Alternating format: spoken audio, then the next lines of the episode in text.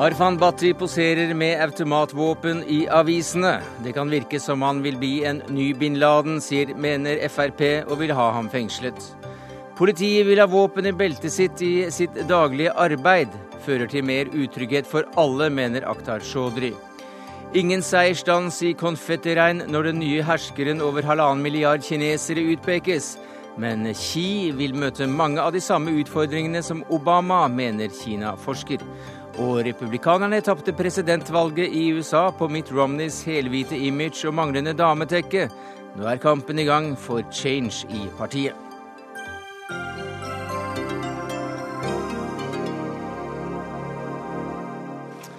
Ja, Det er noen av sakene i Dagsnytt 18 denne torsdagen, der vi også får høre at hva franskmenn er for Europa, er perserne for Orienten.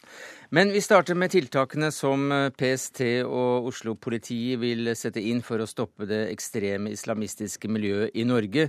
Det ble presentert i ettermiddag, samme dag altså som Arfan Bhatti poserer i avisene da med automatvåpen på fotografier fra Pakistan. Og det skal vi komme tilbake til. Men politimester i Oslo, Hans Sverre Sjøvold, hvordan vil dere stanse rekrutteringen til radikale islamistiske miljøer i Norge? Altså, vi har jo hatt en eh, bred presentasjon av mange tiltak i dag. Og, og det som eh, vi fra Oslos side har vært eh, særlig opptatt av, er jo våre tradisjonelle forebyggingskonsepter. Hvor vi har et godt samarbeid med Oslo kommune når det gjelder kontakt med ungdomsmiljøer. Vi har ulike konkrete tiltak som vi bruker når vi har kontakt med belastede miljøer. Ja, Hvilke det? Vi har f.eks. samtaler, bekymringssamtaler, trygghetssamtaler. Vi har ulike strukturer som vi bruker når det gjelder ulike ungdomsmiljøer. Men dere, dere, sa i dag at dere har god oversikt over disse miljøene, og vil bruke de nødvendige ressursene for å minimal, minimalisere disse. Hva betyr det? Ja, altså Det innebærer jo i tillegg til dette forebyggingssporet, så, så jeg vil også legge til én ting til. og Det er dialogsporet som vi gjør, har i Oslo. Vi er særlig opptatt av å ha dialog med, med ulike religiøse miljøer, grupper. Og bruke mye ressurser for å ha kontakt med de. Men det det har vært særlig oppmerksomhet rundt, er jo at vi også da går inn i disse miljøene og bruker rett og slett straffeloven. Altså vi går inn og arresterer personer for det de gjør av straffbare forhold. Og, og, det er også en, en, metode som vi har vært vant til å bruke tidligere i lignende miljøer. Et sterkere og konstant søkelys. Ja. Forsker ved Høgskolen i Oslo og Akershus, Lars Gule, hva sier du til disse tiltakene? Jeg tror det er veldig mye bra her. Det er viktig å konfrontere slike ekstremistiske miljøer. Og det er viktig å ha et bredt sett av virkemidler for å gjøre dette. Men jeg er litt usikker på om dette burde ha skjedd så åpenlyst og i så mye flomlys som eh, Oslo-politiet og PST har lagt opp til. Fordi det gjør dette mer spennende. Det kan gjøre at miljøet blir, eh, blir mer attraktivt for noen. Og dette er noe vi har en viss erfaring eh, for fra tidligere hvor det å være i myndigheters og politiets søkelys gjorde det mer spennende å være venstreradikal og venstreekstremist på, på 70-tallet. Så her er det noen erfaringer som jeg også tror det er viktig å ha med. Og Samtidig er dette en vanskelig balansegang, fordi at en del av poenget med å konfrontere ekstreme miljøer er jo også at det skjer i offentlighet, slik at man markerer normative og juridiske grenser. Noen blir kanskje tiltrukket av et uh, søkelys? Ja, vi har denne diskusjonen som Gule her uh, trekker opp, hadde vi jo før vi valgte å gå ut. Vi gjorde den vurderingen. Skal man tie, eller skal man stå opp og fram? Og jeg tror det var ganske viktig at uh, både sikkerhetstjenesten og Oslo-politiet markerte tydelig at dette kan vi ikke akseptere.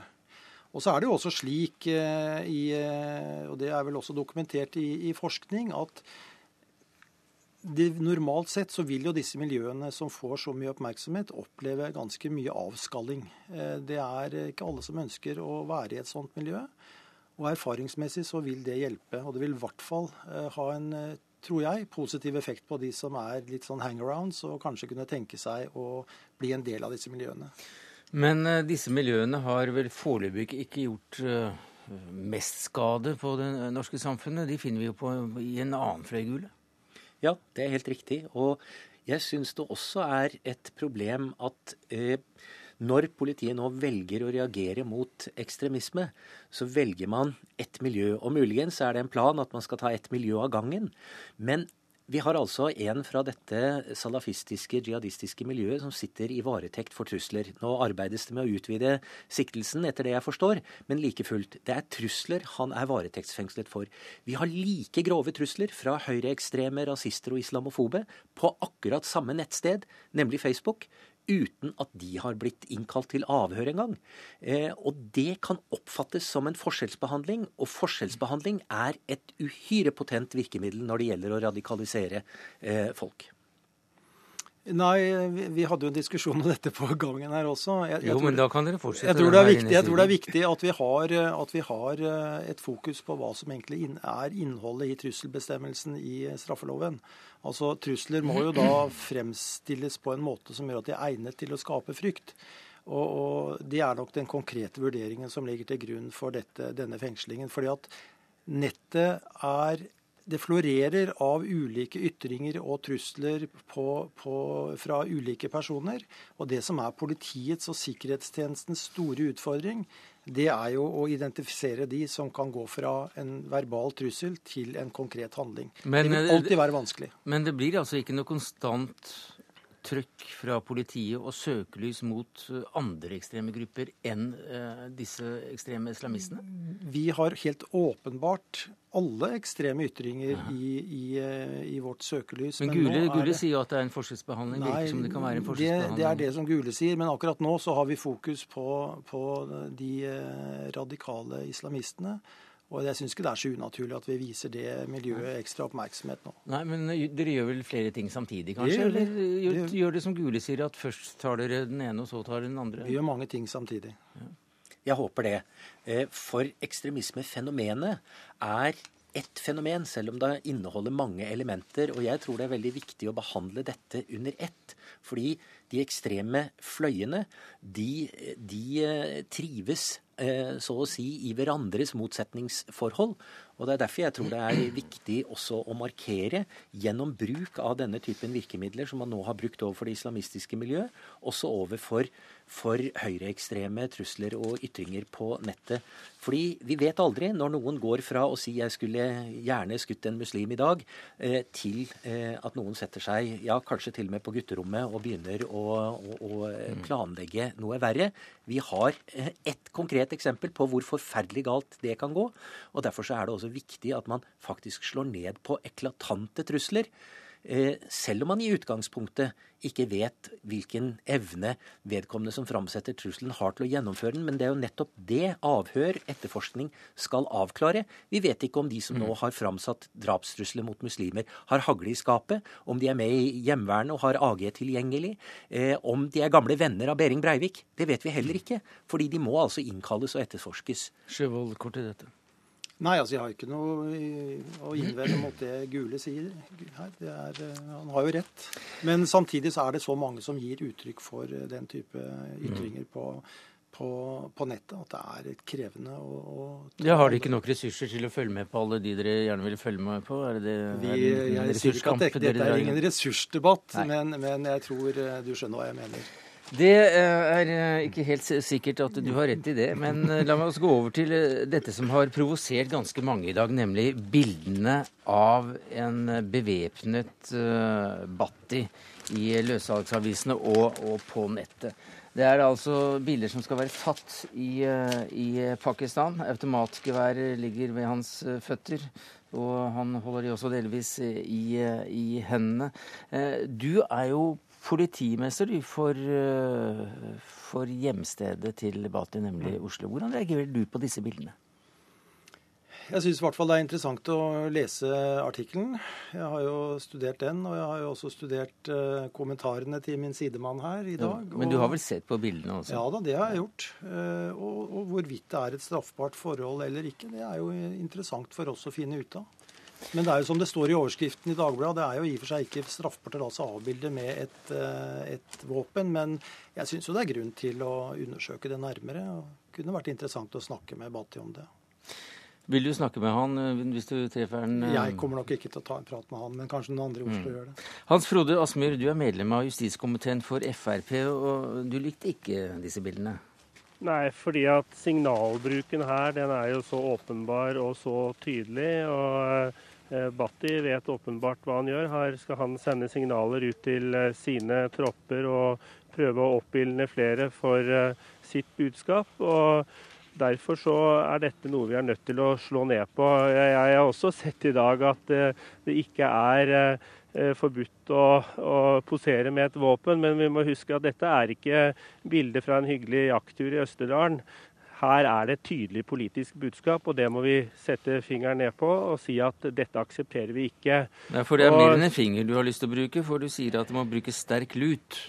Ja, vi er nødt til å nå få rede på om dette er straffbart eller ikke. og Hvis det ikke er det, så må eh, påtalemyndighetene fortelle oss hva som skal til for å eh, få dette straffbart. Fordi dette er jo en person som eh, med stor sannsynlighet skal returnere hjem igjen. Han er norsk statsborger og eh, skal igjen gå i Oslos gater. og eh, eh, han kommer hjem mer radikalisert enn det han tidligere var. og har blitt antageligvis mm. opplært i, i jihad og hellig krig. Og han har tenkt til å fortsette mm. sin kamp antageligvis hjemme. Og da er vi nødt til å være forberedt på det, og hvordan vi skal håndtere han og andre personer i samme situasjon når de returnerer hjem.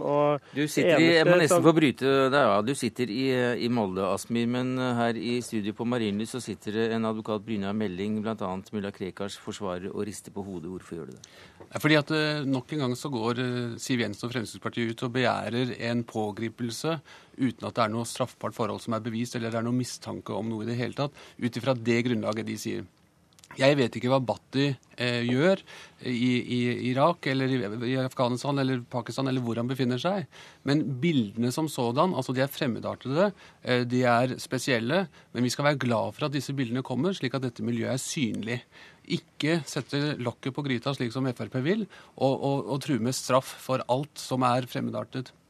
For det blir nesten sånn et hva skal vi si, Jan Thomas-politi man skal ha, hvor man skal gå og vurdere utseendet på mennesker og skjegglengde eh, og, og, arrestere de etter det, og ikke nødvendigvis hva de har gjort. Nå, nå hører jeg jo at Asmyr er på vikende front her, og erkjenner at man ikke har noe hjemmel til å arrestere, men da bør man heller ta den mm. diskusjonen mm. først, før man går ut og, og ber om det. Asmyr. Dette handler om uh, å sende klare signaler til uh, andre som uh, tenker på å gjøre det samme, men også at vi nå tar en debatt og Eh, gjennomgang på hvordan vi skal håndtere denne personen når han kommer tilbake til Norge. Eh, og Derfor så ønsker vi nå å ligge foran ved at vi eh, får disse hjemlene på plass. Det er mulig de eksisterer i dag, det vet ikke jeg, men vi er nødt til nå å, å få den debatten. Og Meling, han han har jo disse som, som klienter og, og, og, har skapt seg en nisje rundt det.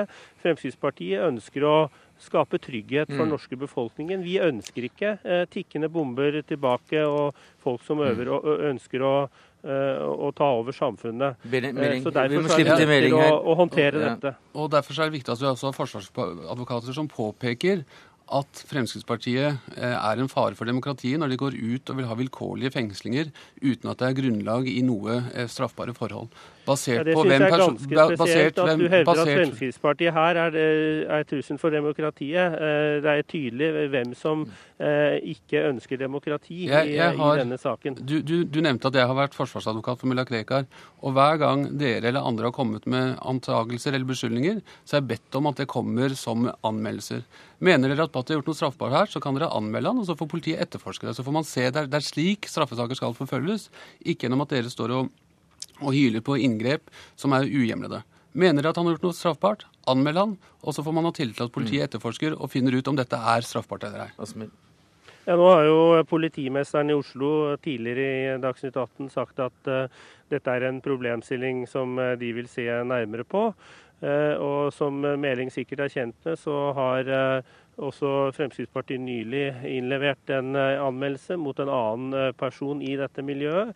Eh, og Så får vi se hvordan det går med den anmeldelsen. Men det, som, det vi det er, ute etter, er at vi nå er nødt til å få en tydelig eh, hjemmel på plass og mm. sende tydelige signaler ut om at dette er uakseptabelt. Norske statsborgere, andre som har fått opphold i Norge, skal ikke opptre mm. på den måten. Bør han frata statsborgerskap, Asmir? Ja, nå er, Så vidt jeg vet, Batti født i Norge, så det er krevende. Men jeg mener at vi nå må se på å få inn hjemler eh, hvor vi kan tilbakekalle statsborgerskap for andre som har fått statsborgerskap eh, i eh, kommet til Norge fra andre mm. land. Men først og fremst så tror jeg at dette er en person som vi nå må ha under kontroll, og da må vi få tydelige eh, hjemler på plass. Hvor stor kontroll mener politiet at de har på de som opptrer mest utagerende, f.eks. ved å posere med våpen og sende twittermeldinger? og ja, nå er vel Alfa Arfan Bhatti er vel en person som vi kjenner til. Eh, men eh, jeg tror ikke dette er noe stort miljø. Men jeg, jeg, ser ikke det som urimelig, som Meling sier, at man kan kartlegge hva som egentlig ligger til grunn her. Men man må jo alltid ha en etterforskning før man kan finne ut om det er begått et straffbart forhold. Og, og rettssikkerhetsgaranti må jo alle ha. Lars Gule, det Asmør sier her om, om signaleffekten. Én ting er, er rettslige hjemler her, men en annen ting er jo liksom å åpne avisen og, og, og hva du ser. Ja, Hvis vi går ut ifra at Arfan Bhatti er en eh, rasjonell person, eh, så har han gjort dette for å eh, oppnå oppmerksomhet mhm. for å øke sin kredibilitet som jihadist i dette miljøet.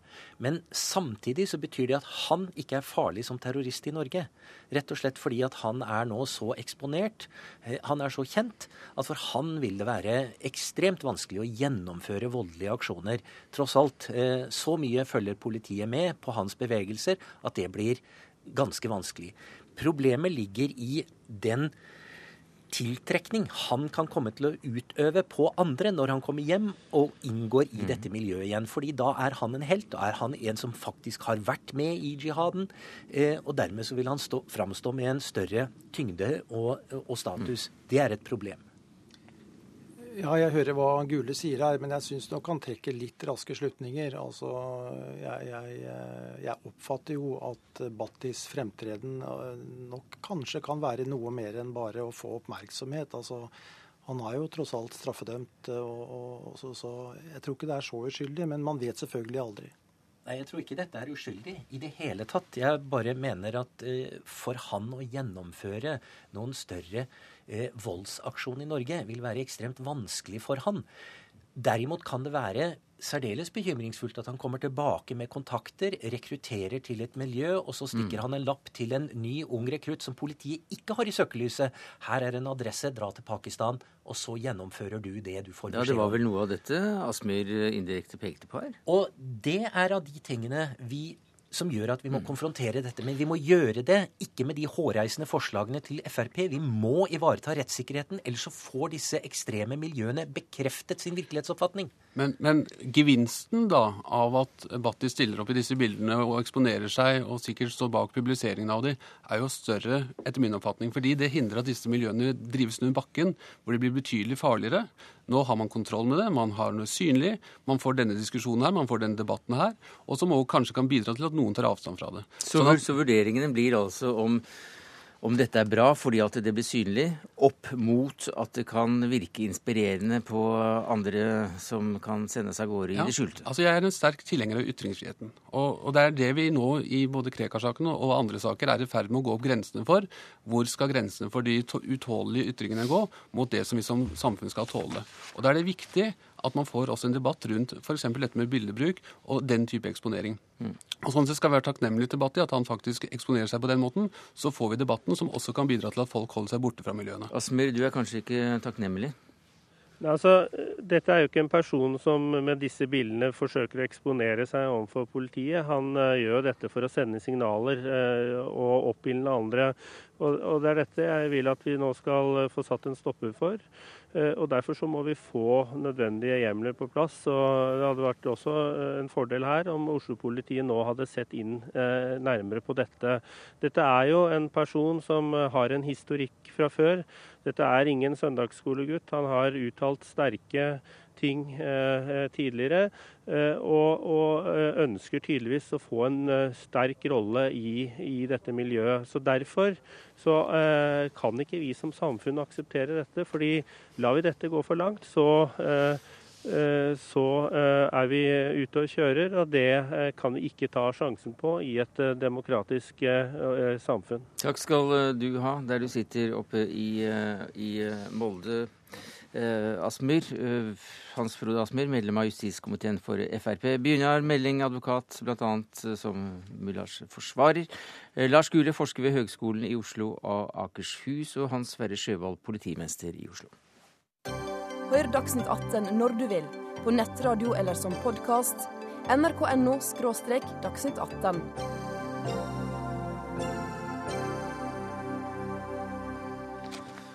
Det skal for så vidt eh, fortsatt dreie seg om eh, våpen, men på en ganske annen måte. For i alle år har politiet vært enige med skiftende regjeringer om at det ikke er noen god idé å ha våpen i beltet for politifolk uten en spesiell grunn.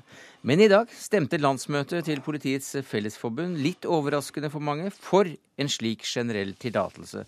Og Sigve Bolstad, du er nestleder i Politiets Fellesforbund. Hvorfor mener du at eh, flertallet av delegatene eh, gjorde rett i å stemme for synlig bevæpning av politiet? Det er klare tilbakemeldinger eh, fra mange operative mannskaper om at det er et behov for et verktøy til i verktøykassa i forhold til å gjøre en enda mer optimal jobb for befolkninga.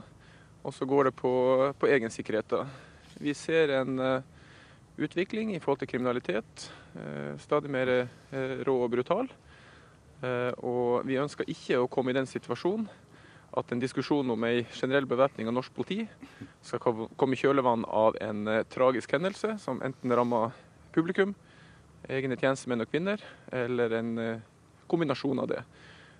Derfor har vi hatt en meget god, saklig Eh, debatt på dette landsmøtet i eh, Molde, der vi har eh, med et flertall landa på at det er mest fornuftig å stemme for en generell bevæpning av norsk Mot sjefen din, Arne Johannessen, stemme?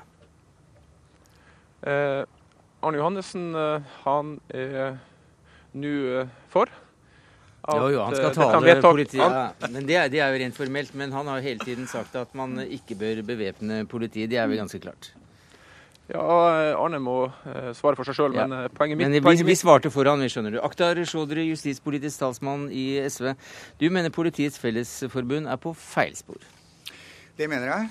Fordi eh, hvis svaret er at vi skal bevæpne norsk politi til daglig, så må vi ha et, et spørsmål. Og hva er spørsmålet? I fjor utløste norsk politi skudd én gang da det var kun én gang de fant det riktig og nødvendig å utløse skudd for å løse situasjonen. Så vi har et meget kompetent politi som klarer å løse oppgaver uten bruk av våpen.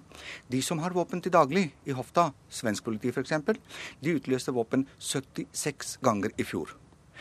Og da er ekspertisen enig i at jo tilgjengelig våpen du har, jo oftere mm. kan du bruke det, og du gjør det. Bolstad. Dette handler om uh, tillit til uh, norsk politi. Uh, Tilbakemeldinga på norsk politi er, er, at det er et av verdens beste politi. Nyter høy tillit. Og derfor, og, trenger, og man ikke, derfor trenger man ikke synlig våpen, sier Akhtar Chaudhry her, og viser til at dere bare har avført skudd én gang i fjor. Nå er det ikke sånn at det bare er tillit og troverdighet som utgjør en sikkerhet. Det er langt andre ting også. Og I dette tilfellet dette er tilbakemeldinger fra de politioperative som jobber der hver bidige dag. Som opplever hvordan den virkelige, virkelige verden kan, dessverre kan være. De fleste av dem har gitt en tilbakemelding på at det er behov for en generell bevæpning. Og saken er reist, og den har vi tatt stilling til her på landsmøtet. Mm. Eh, og jeg vet ikke om noen andre som er bedre i stand til å begrunne et behov, enn nettopp de som har skoen på, som vi sier. Nei, det er tryggere å sitte i en presidentstol på Stortinget. Ja, det kan du si. Nei, jeg har respekt for hver eneste tjenestemann og tjenestekvinne som er ute i operativ tjeneste, gjør Norges gater trygge hver eneste dag og hver eneste kveld. Men så er eh, realitetene der. Norsk politi fant det riktig og nødvendig utløse skudd én gang i fjor. Det er det ene. Det andre er Men hva er, det, vi, hva er det du er redd for hvis det blir en bevæpning? Jo, det er det jeg skal si. Mm. Det, en, det, er en politimann som utløste skudd i New York eh, noen uker tilbake. Det var en mann eh, som han trodde, eller visste at eh, kunne ha våpen.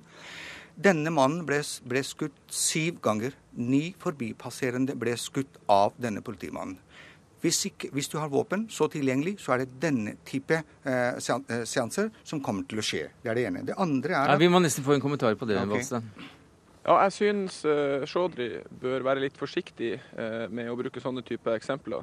Det han egentlig sier, det er at på bakgrunn av sånne uh, eksempler, så har han ikke tillit til at norsk politi kan bære skytevåpen. For da vil norsk politi skyte i de mm. fleste tilfellene. Er det det, er det, er det, det resonnementet, Det blir en feil uh, ja. sammenligning. Det er ikke bare mitt resonnement. Professor Johannes Knutsen, som er professor ved Politihøgskolen, er enig i det. Det er for øvrig hans argument at jo tilgjengelig våpen du har, jo oftere bruker du. Og det underbygges også av statistikken. 76 ganger utløste norsk, eh, unnskyld, svensk politi våpen, eh, skudd, mens norsk politi utløste én eneste gang. Så er jeg redd for at jo eh, oftere, eller hvis, hvis, vi har, eh, hvis vi har politi som bærer våpen, så vil de kriminelle vite at det er våpen til stede. Da vil de bevæpne seg ytterligere og tyngre og utløse skudd oftere. Det vil, eh, det vil sette mine egne politifolk i fare. Det vil også uh, sette vanlig publikum i fare. I tillegg vil det sette de kriminelle mm. i faren. Problemet, poenget nå må være igjen, vil jeg, hva er spørsmålet? Spørsmålet er å løse de oppgavene som er der ute sikkerhetsmessig.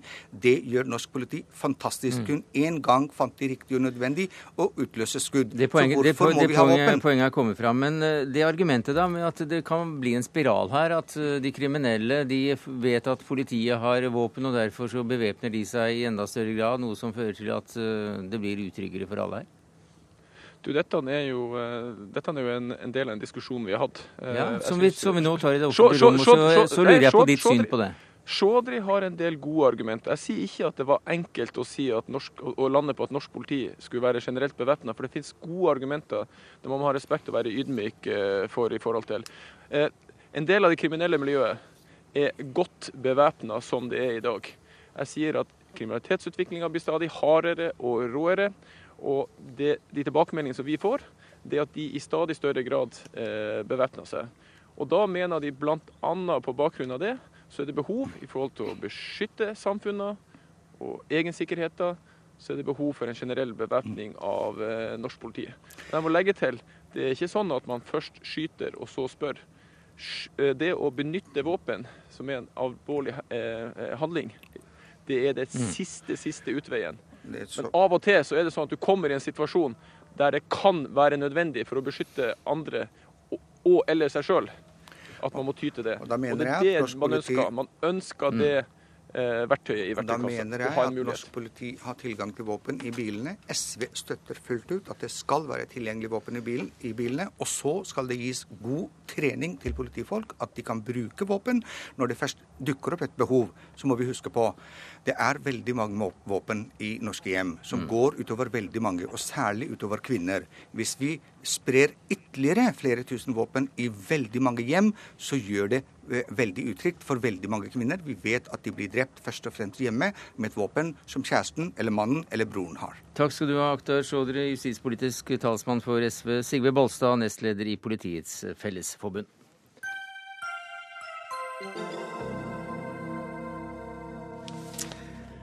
Ja, I dag startet eh, det kinesiske kommunistpartiet sin 18. partikongress. En ny leder skal pekes ut. Og hvis Xi Jinping ikke roter det helt til for seg med ureglementert Ferrari-kjøring, eller at kona tar livet av noen, så blir vel han landets nye leder, eller hva sier du, Anders Magnus, i Beijing? Jo, jeg tror nok det.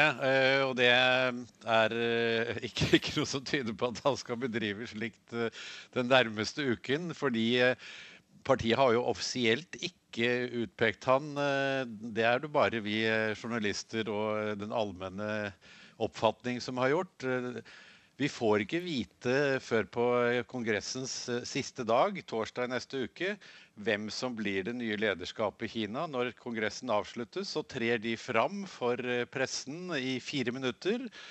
Og da er det på en måte kunngjort mm. hvem som skal lede Kina de neste ti årene. Men hva er det da Xi som eh, alle solmerker, etter alle solmerker blir den nye lederen? Hva er det han har gjort for å bli utpekt som den ypperste av halvannen million kinesere? Milliard Han har vært flink til å manøvrere seg gjennom uh, ulike uh, andre toppledere. Altså Han har skaffet seg allianser oppover i systemet på en veldig klok måte og sørget for å ikke tråkke for mange på tærne. Og så har han skaffet seg Eh, en beskytter eh, høyt oppe, som er Jiang Zemin, som eh, var president før Hu Jintao. Det er først og fremst han som nå fortsatt, selv om han er 86 år gammel, bestemmer hvem som skal bli de nye lederne i Kina. Og han har også hatt Xi Jinping under sine vinger. Takk skal du ha, Anders Magnus i Beijing. Jo Inge Bekkevold, hvem er denne nye lederen? Xi Jinping ble faktisk eh, identifisert av Deng Xiaoping eh, for, for, mange år siden som kanskje den fremste representanten for den såkalte femte generasjons eh, ledere. Eh, vi vet jo egentlig ikke så veldig mye om Xi Jinping. Det er jo interessant å se kontrastene til amerikanske eh, valget som har vært nå nylig, hvor det, hvor det, er så fokus i lang tid, og hvor man mm. får så mye informasjon om personer. Vi vet ikke så mye om, eh, om det nye lederskapet. Men vi vet vel litt mer enn vi pleier? Det, det gjør vi. Eh, eh, vi, vi, vet at det her er en generasjon som fikk mye av sin utdannelse ødelagt under kulturrevolusjon. De har sterke opplevelser fra kulturrevolusjon. De er, har en, mer, en, bredere bakgrunn enn den generasjonen som nå forlater uh, lederskapet. Det har vært ingeniørene som har styrt Beijing egentlig i to generasjoner. Nå får man en generasjon med en helt annen bakgrunn enn de. De er utdannet i juss, i økonomi, i, i samfunnsfag. Og de har et, et bredere perspektiv kanskje enn det lederskapet som nå forlater makten. Eh, det er ikke bare tidspunktet for eh, presidentvalget som verdens to viktigste stater har til eh, felles, til tross for da ulike, svært ulike veier til, til, toppen. Har Kina og USAs presidenter noen av de samme utfordringene? Det sier du som Kina-kjenner og forsker ved Fafo, Hedda Flate. Hvilke utfordringer er det de har felles? Eh, det som er de viktigste utfordringene for den neste kinesiske administrasjonen, er jo å eh, det, det, Året 2020 eh, kommer til å komme i løpet av deres periode. Og det eh, er det året som er blitt eh, utpekt som året når Kina skal nå et relativt nivå av relativ velstand. Mhm. Ganske, ganske høy velstandsnivå. Og for å få til, Da er det ganske mange konkrete mål som er knyttet til det, som de, denne administrasjonen nå må levere på i løpet av de ti årene de skal sitte. Ja, For de har bundet seg til det i folkets uh, opinion? Ja. Mm. Eller i folkets opinion er det vel ikke, Nei, men de har erklært at uh, det er ja. mye som skal skje i år 2020. Og for å få til dette her, så er man jo nødt til å få eh, gjøre noe med fordelingen i landet. Sånn at, for det skal være et relativt velstand for, for alle kinesere. Eh, ikke bare for de få som har, eh, som har nytt mest av eh, den økonomiske veksten hittil. Og i tillegg så blir det jo nødt til å For at de skal kunne fortsette den økonomiske veksten, så er man nødt til å restrukturere um, industrien på et vis, sånn at den ikke lenger er altså, avhengig av at uh, man har tilgang til veldig mange uh, folk fra landsbygda som er villige til å jobbe hardt for lite penger. Skape nye så, jobber, eh, holde et velferdssystem eh, oppe, det er eh, likhetstrekk. Bygge et velferdssystem. Bygge et ja. og ikke minst et, er, et, et, et helsetilbud. Ja. En helsereform. Er, som du mener er langt større og dypere enn det vi ser Obama jobbe med? Eh, Forskjellen på Kina og USA er at eh, Kina har i enda mye mindre grad enn USA et fungerende eh, offentlig helse- eller helsesikkerhetsnett. Så det, stedet man begynner på, er allerede veldig ulikt. Eh, og der har kineserne veldig, en veldig mye lengre vei å gå enn det Obama har. Og de reformene som er blitt satt i gang i Kina, det er satt i gang omfattende reformer. Det er jo store ting som skal skje. Man skal bygge opp fra ingenting. Eh, så har man fått eh, forsikringsordning som dekker så godt som alle kinesere. Og nå er det neste Utfordringen er å få, få, den til å fungere på en måte som faktisk hjelper. At man ikke bare har forsikring, men at man også får dekket utgiftene sine til medisiner, f.eks. Men det er fortsatt mer begrenset enn det det er i USA. Det er det. Men det å få et sånn minimumssikkerhetsnett Det er noe nytt, og det er noe stort når det gjelder så mye mennesker. Ja, det er det absolutt. Eh, men så har vi jo da snakket mye om eh, Obamas eh, manglende evne til å få gjennomført sine ønsker. Jo Inge Bekkevold, du er da Kina-koordinator ved Institutt for forsvarsstudier.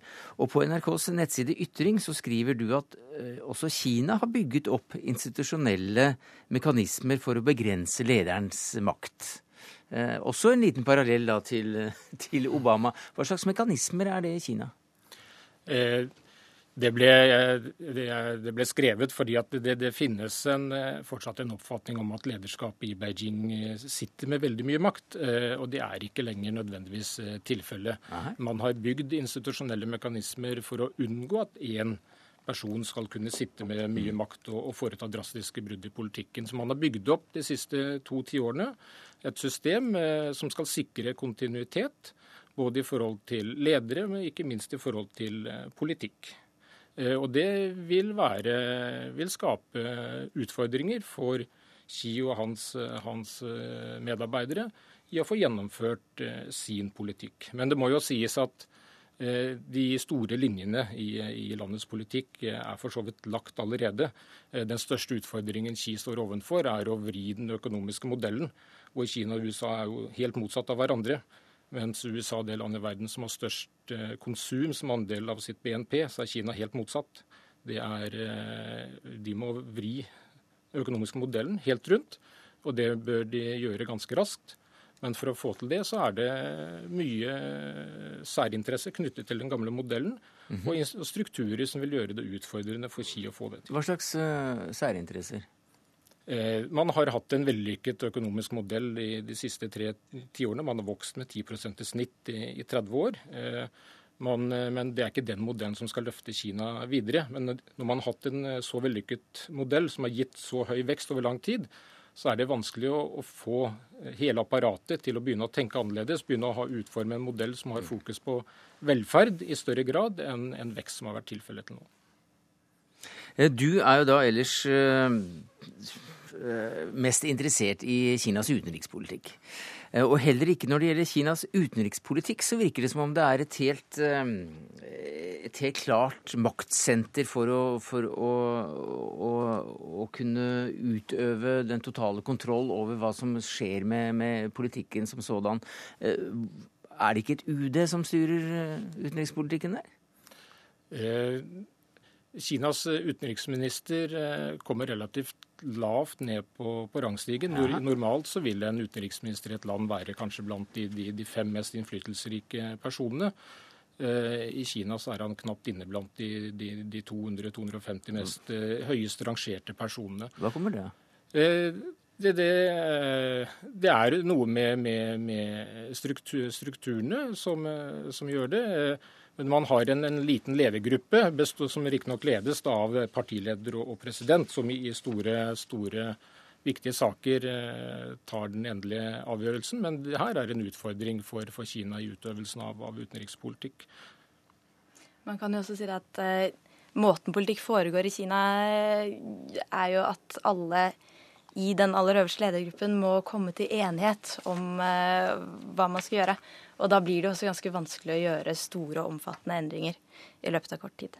Nei, for det er altså, du, du, peker på mange forskjellige eh, elementer i det kinesiske samfunnet som, som, som er styrende for utenrikspolitikken. F.eks. Eh, ja, var det fagforeninger eller andre interessegrupper som det er eh, en klar eh, endring i eh, Kinas utenrikspolitikk at i takt med landets modernisering, i landets økonomiske vekst, så er det nå flere aktører som er med å utforme utenrikspolitikken. Store statlige oljeselskaper, hæren, PLA, har, har innflytelse. og så det er til en viss grad at det er blitt mer utfordrende å koordinere utenrikspolitikken. Akkurat som i Norge også? Ja. Når det gjelder Statoil og hvor mye de har å si for norsk utenrikspolitikk, og hvor man plasserer ambassader f.eks. Absolutt. Takk skal du ha, Hedda Flate, forsker ved Fafo, Jo Inge Bekkevold, Asia-koordinator ved Institutt for forsvarsstudier. For der setter vi strekk for Kina for i kveld, men eh, det gjør ikke du, Ole Torp. Du er kollega fra Aktuelt og tidligere korrespondent i Midtens Rike. For ca. klokka 19.45 så drar du i gang en ti dagers Kinasatsing på denne TV-kanalen NRK2. Mm, ja, NRK2 vil uh, se nærmere på Kina med en rekke forskjellige programposter. Jeg holdt på å si alt fra kokekurs til dokumentarer til um, spillefilmer um, og uh, serier. Og vi åpner i Aktuelt kvart på åtte, som du helt riktig sier, med et stort panel med noen av våre mm. mest fremstående Kina-eksperter for å diskutere hvor går Kina, hvordan skal vi forholde oss til Kina i lille Norge, og hvordan skal verden forholde seg til det nye Kina. Og eksperter og kommentatorer har vi jo eh, hørt at også et radioprogram som Dagsnytt 18 kan eh, ha stor glede av. Men eh, akkurat å vise hele kinesiske filmer, det blir litt for smalt til og med for P2s lyttere. Så, så det kan dere gjøre. Hva slags filmer er det dere har valgt ut? Ja, altså Dette er jo NRK2s ledelse som har valgt ut en hel pakke med, med Ja da, jeg har vært med og rådgitt de, og Blant annet viser de en, en kjent Ang Lee-film som heter 'Lust Caution', som er en film om uh, som foregår i Shanghai under den kinesiske-japanske kinesisk krigen, hvor Shanghai er okkupert av japanere, og hvor det er et slags kammerspill der hvor en eh, kinesisk kvinne gir seg selv som elskerinne til en mm. japansk eh, offiser. Vakte stor oppmerksomhet og mye raseri i Kina da, da denne ble vist, men den, eh, den er interessant med tanke på kinesisk-japanske forhold. Og så viser de en, en serie større filmer om, eh, om eh, krigen, borgerkrigsperioden i Kina for mange hundre år siden osv. Ole Torp tilbake som programleder for Aktuell spesial Kina om en time og, og fire minutter. Takk skal du ha.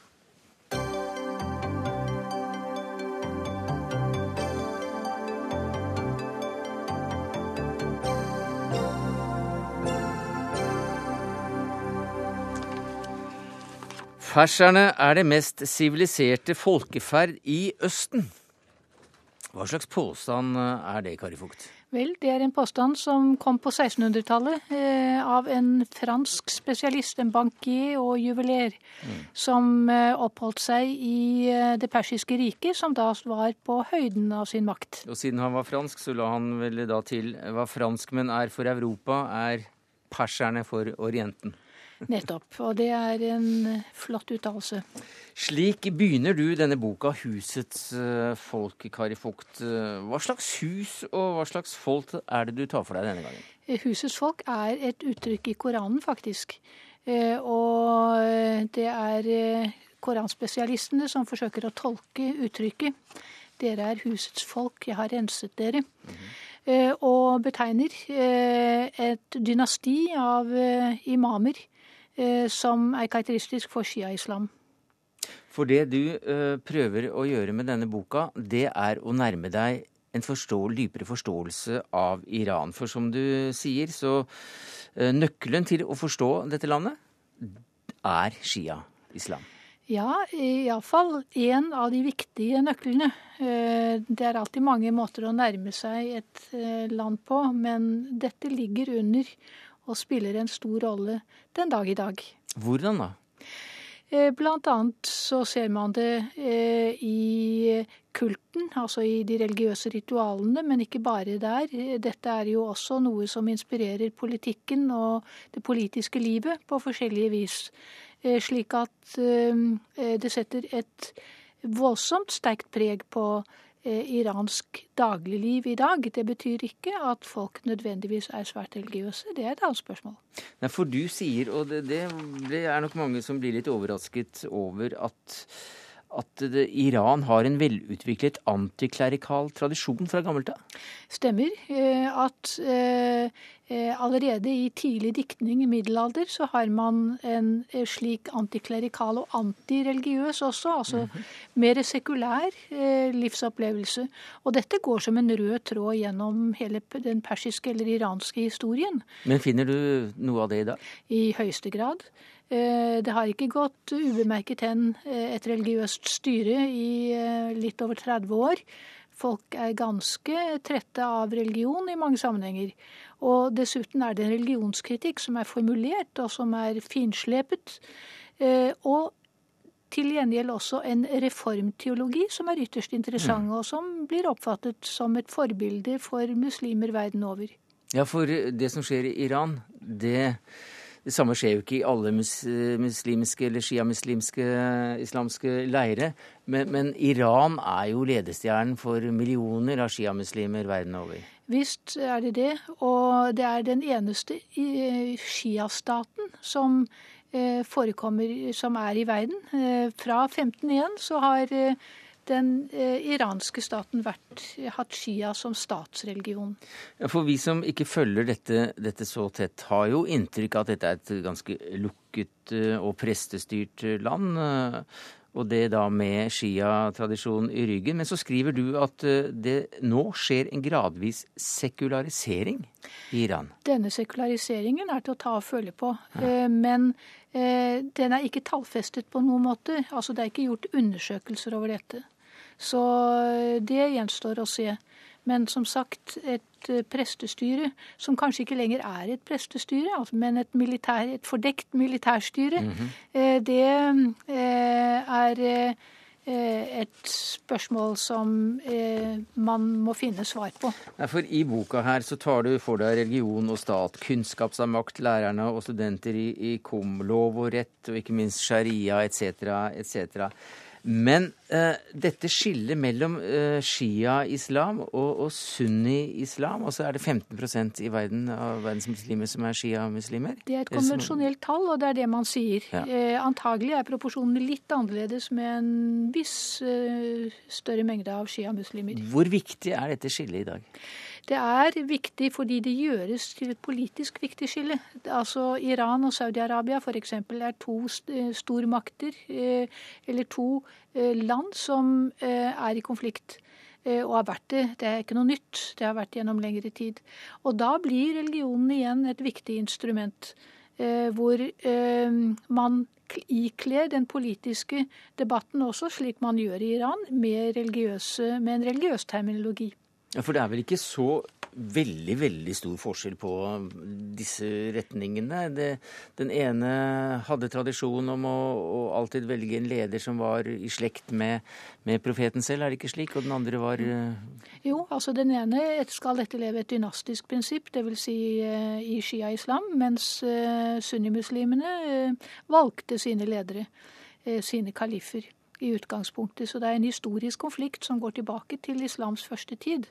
Og ikke minst til dette slaget ved Karbala, da yndlingen Hussein eh, ble drept. Og det ble, et skisma i eh, Ja, det er et, eh, en, en, sørgelig og trist tildragelse i det tidlige islamske fellesskapet, nemlig at en av kalifene i Damaskus dreper profetens egen dattersønn.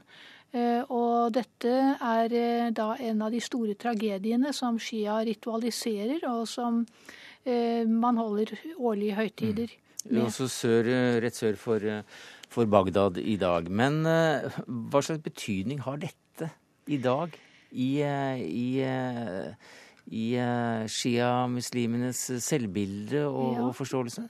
Når man går inn på dette, så er eh, faktisk eh, forskjellene ganske store. Man har det samme kilder, det samme grunnlaget, og begge, begge, parter er muslimer.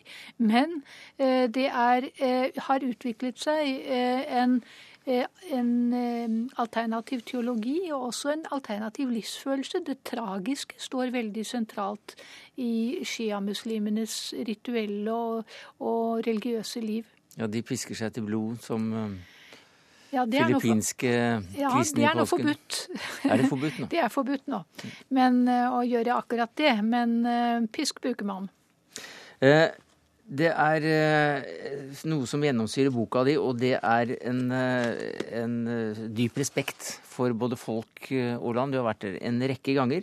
Og samtidig så er du litt skeptisk mot om disse mange sanksjonene mot landet fungerer slik Vesten vil. Hvem er det som rammes først og fremst av sanksjonene? Eh, altså Sanksjonene som vi holder oss med, de rammer ganske skjevt og galt etter manges skjønn. Simpelthen fordi det forarmer middelklassen, det beriker et bestemt sjikt av befolkningen som er regimetro. Slik at det er ikke gode resultater man får av denne, denne sanksjonspolitikken det er et stort problem at man gjør det på denne måten. Så man rammer altså uh, middelklassen, som man egentlig Skulle, mener å støtte? Ja, den uavhengige middelklassen. Ja. Den som burde støttes. Mens regimet Regimet trives, uh, selv om Og de, de, problemene det har, det er selv, selvskapte problemer av økonomisk art. Så bildet er ganske sammensatt. Og det får man også vite mer om og bli litt klokere av eh, når man har gått gjennom husets folk, Shia Slim, i det 21. århundre. Eh, takket være Kari Fugt. Takk for at du kom.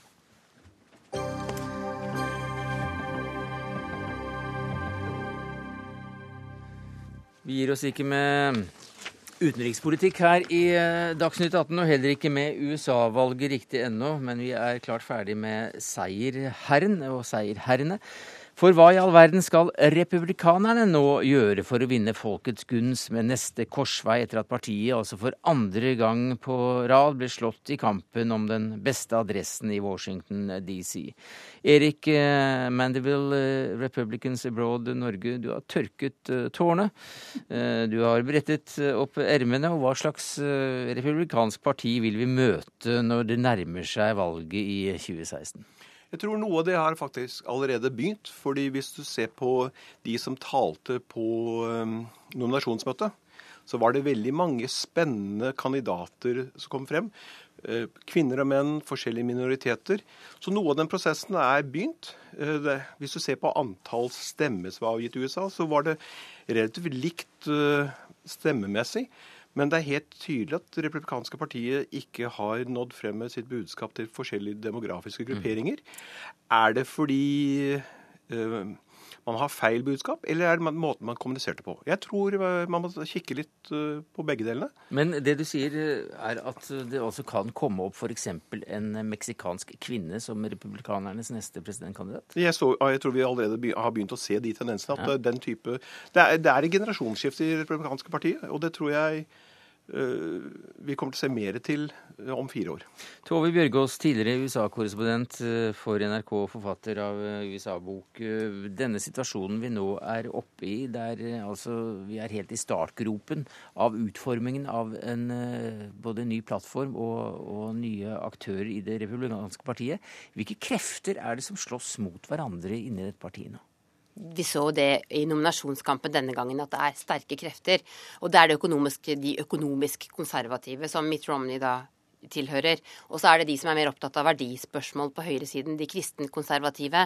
Så er det de kreftene som Mandeville snakker om her. Altså det er nye, mer, mer progressive yngre krefter i partiet som kanskje klarer å, å kombinere økonomisk politikk med andre saker, f.eks. immigrasjonsspørsmål, som, som, disse latinamerikanske velgerne er svært opptatt av.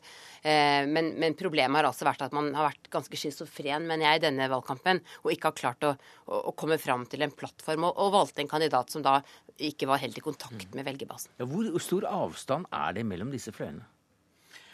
Av og til så blir jeg veldig usikker, fordi republikanerne kom med et forslag om amnesti for immigranter i 2006. Og det, og det ble nedstemt i Kongressen av demokratene.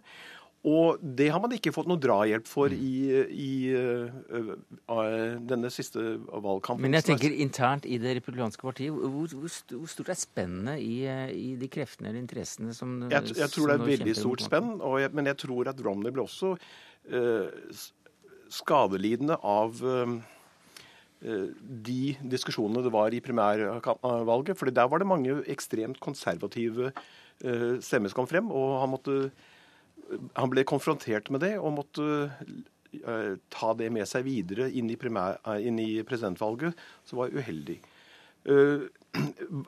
Verdivalg i USA er, er vanskelig. Altså, I visepresidentdebatten så sa jo Biden at han var mot abort. Mm -hmm. Men det var ikke noen som sa noe negativt om. Men når, når eh, den andre visepresidentkandidaten sa han var mot det, så var det mm. veldig uheldig. Men all den urettferdigheten som også gjorde at uh, republikanerne gikk på et så tragisk eh, nederlag, ifølge republikanerne også i Norge, det, vi legger det til side. David Maak. du er førsteamanuensis i historie ved Universitetet i Oslo. Selv om dette er nå da historie, hvordan vil du karakterisere den kampen som nå foregår i det republikanske partiet, sett i historisk lys? Er dette noe vi opplever etter hvert nederlag? Du, um, det har vi. Og det har gått i 40-50 år, minst. Mm -hmm. Man snakker om kulturkriger i USA, om verdispørsmål, om vesentlige identitetsspørsmål, som f.eks. angår immigrasjon. Hvem og hvor mange og hvordan og om de udokumenterte skal bli lovlige og kunne bli borgere. Jeg tror det har veldig mye med grunnleggende spørsmål, og det er innenfor vårt parti, ikke bare innenfor det republikanske partiet. Um, hvis man så på landsmøtet til republikanerne, ikke statistikken om hvem det var som var der, men bildene, så så man veldig mange bilder uh, i TV-en med kvinner med ikke-hvite eh, delegater av forskjellige sort. Ikke sant? Som man ville vise fram, fordi partiet har alle de retningene. Det var også viktig å se på plattformen, hvor det var um, en del som var språk diktet opp av Ron Paul-tilhengere. Som um, også var ganske jo, som hadde fått en del delegater, og som de ønsket å delta i landsmøtet. Og det språket som var skrevet inn for dem, det tok være på noen av hans viktigste spørsmål om den føderale statens kontroll over økonomiske mm. saker for hele landet. Så jeg mener at eh, disse partiene er spenstige, organiske organisasjoner som skjer med store endringer hele tiden. Og det republikanske partiet nå har allerede mobilisert krefter til å forsterke de tendensene som Erik Mandeville snakket om mm. allerede. Men det som vi altså ser nå, det er at den amerikanske befolkningen er i ganske rask vekst. Og at Obama altså ved dette valget 45% av hans stemmer kom fra etniske minoriteter. Og, øh, og øh, Mitt Romney han fikk bare 27% av stemmene til latinamerikanere. Bush eh, fikk oppunder 50 eh, for åtte år siden. Og det er noe som partiet virkelig nå må se på. Og, og, også hva de skal gjøre med de unge og med kvinnene. Så demografien det vil legge en føring på hva som er mulig å, å gjøre i det republikanske partiet for det, å vinne tilbake Det er helt klart at man må se på demografiske endringer. Og Det er, det er ikke bare med valg av plattform, jeg tror også det har noe med valg, hvordan man kommuniserer til de forskjellige grupperingene. For det er, forskjell, øh, det er forskjellige budskap som når frem, og det har man gjort en øh, meget dårlig jobb med. Mm. Men hva da med partiet? Partiorganisasjonen i det hele tatt. Det ligner jo ikke mye på det vi forbinder med partier. Nei, det er klart det. Det er jo ikke noen parlamentarisk system. Det er jo slik da at det er partier i hver delstat. Det er partier lokalt, og det er partier nasjonalt. Ja, Hva gjør disse partiene mellom valgene? da? Jo, når det gjelder um, det nasjonale partiet, ja. så gjør de mye mindre enn nasjonalpartiet i Norge gjør. Ja, for fordi de kommer til liv virkelig i oppgangen til nasjonale valg. Nå, nå må man huske at det nasjonale valg hvert annet år for huset, ikke sant? For representantenes hus, og så er det presidentvalg hvert fjerde år. Men det er ganske mye som avgjøres lenger ned i systemet. Så hvis man ønsker å endre dem som stemmer på republikanerne, så må man mobilisere de forskjellige nivåer i partiet. Ellers vil det ikke skje. Og det vil ikke skje over natt. Men jeg, jeg må si, fordi jeg syns vi gjerne går i ubalanse mot en side Rundt en tredjedel av alle velgerne stemmer i samme retning som deres foreldre. Hvis det er disse andre tendenser hvor det kommer inn nye velgere og nye demografiske grupper, så er det fremdeles slik at den største velgergruppen er hvite, som stemmer som sine mor og far stemte, enten demokrat eller republikansk. Så det republikanske partiet mener jeg er ikke i så mye krise som folk sier. At endringer må komme, er jeg enig i, men vi kan overdrive det. Da må vi sette strek for USA-runden i dag, takket være mm, Tove Bjørgaas, tidligere USA-korrespondent i NRK, Erik Mandel, Republicans, Republicans Broad Norge, og David Mock, førsteamanuensis i historie ved Universitetet i Oslo. Dagsnytt 18 takker for seg. Vi er tilbake i morgen.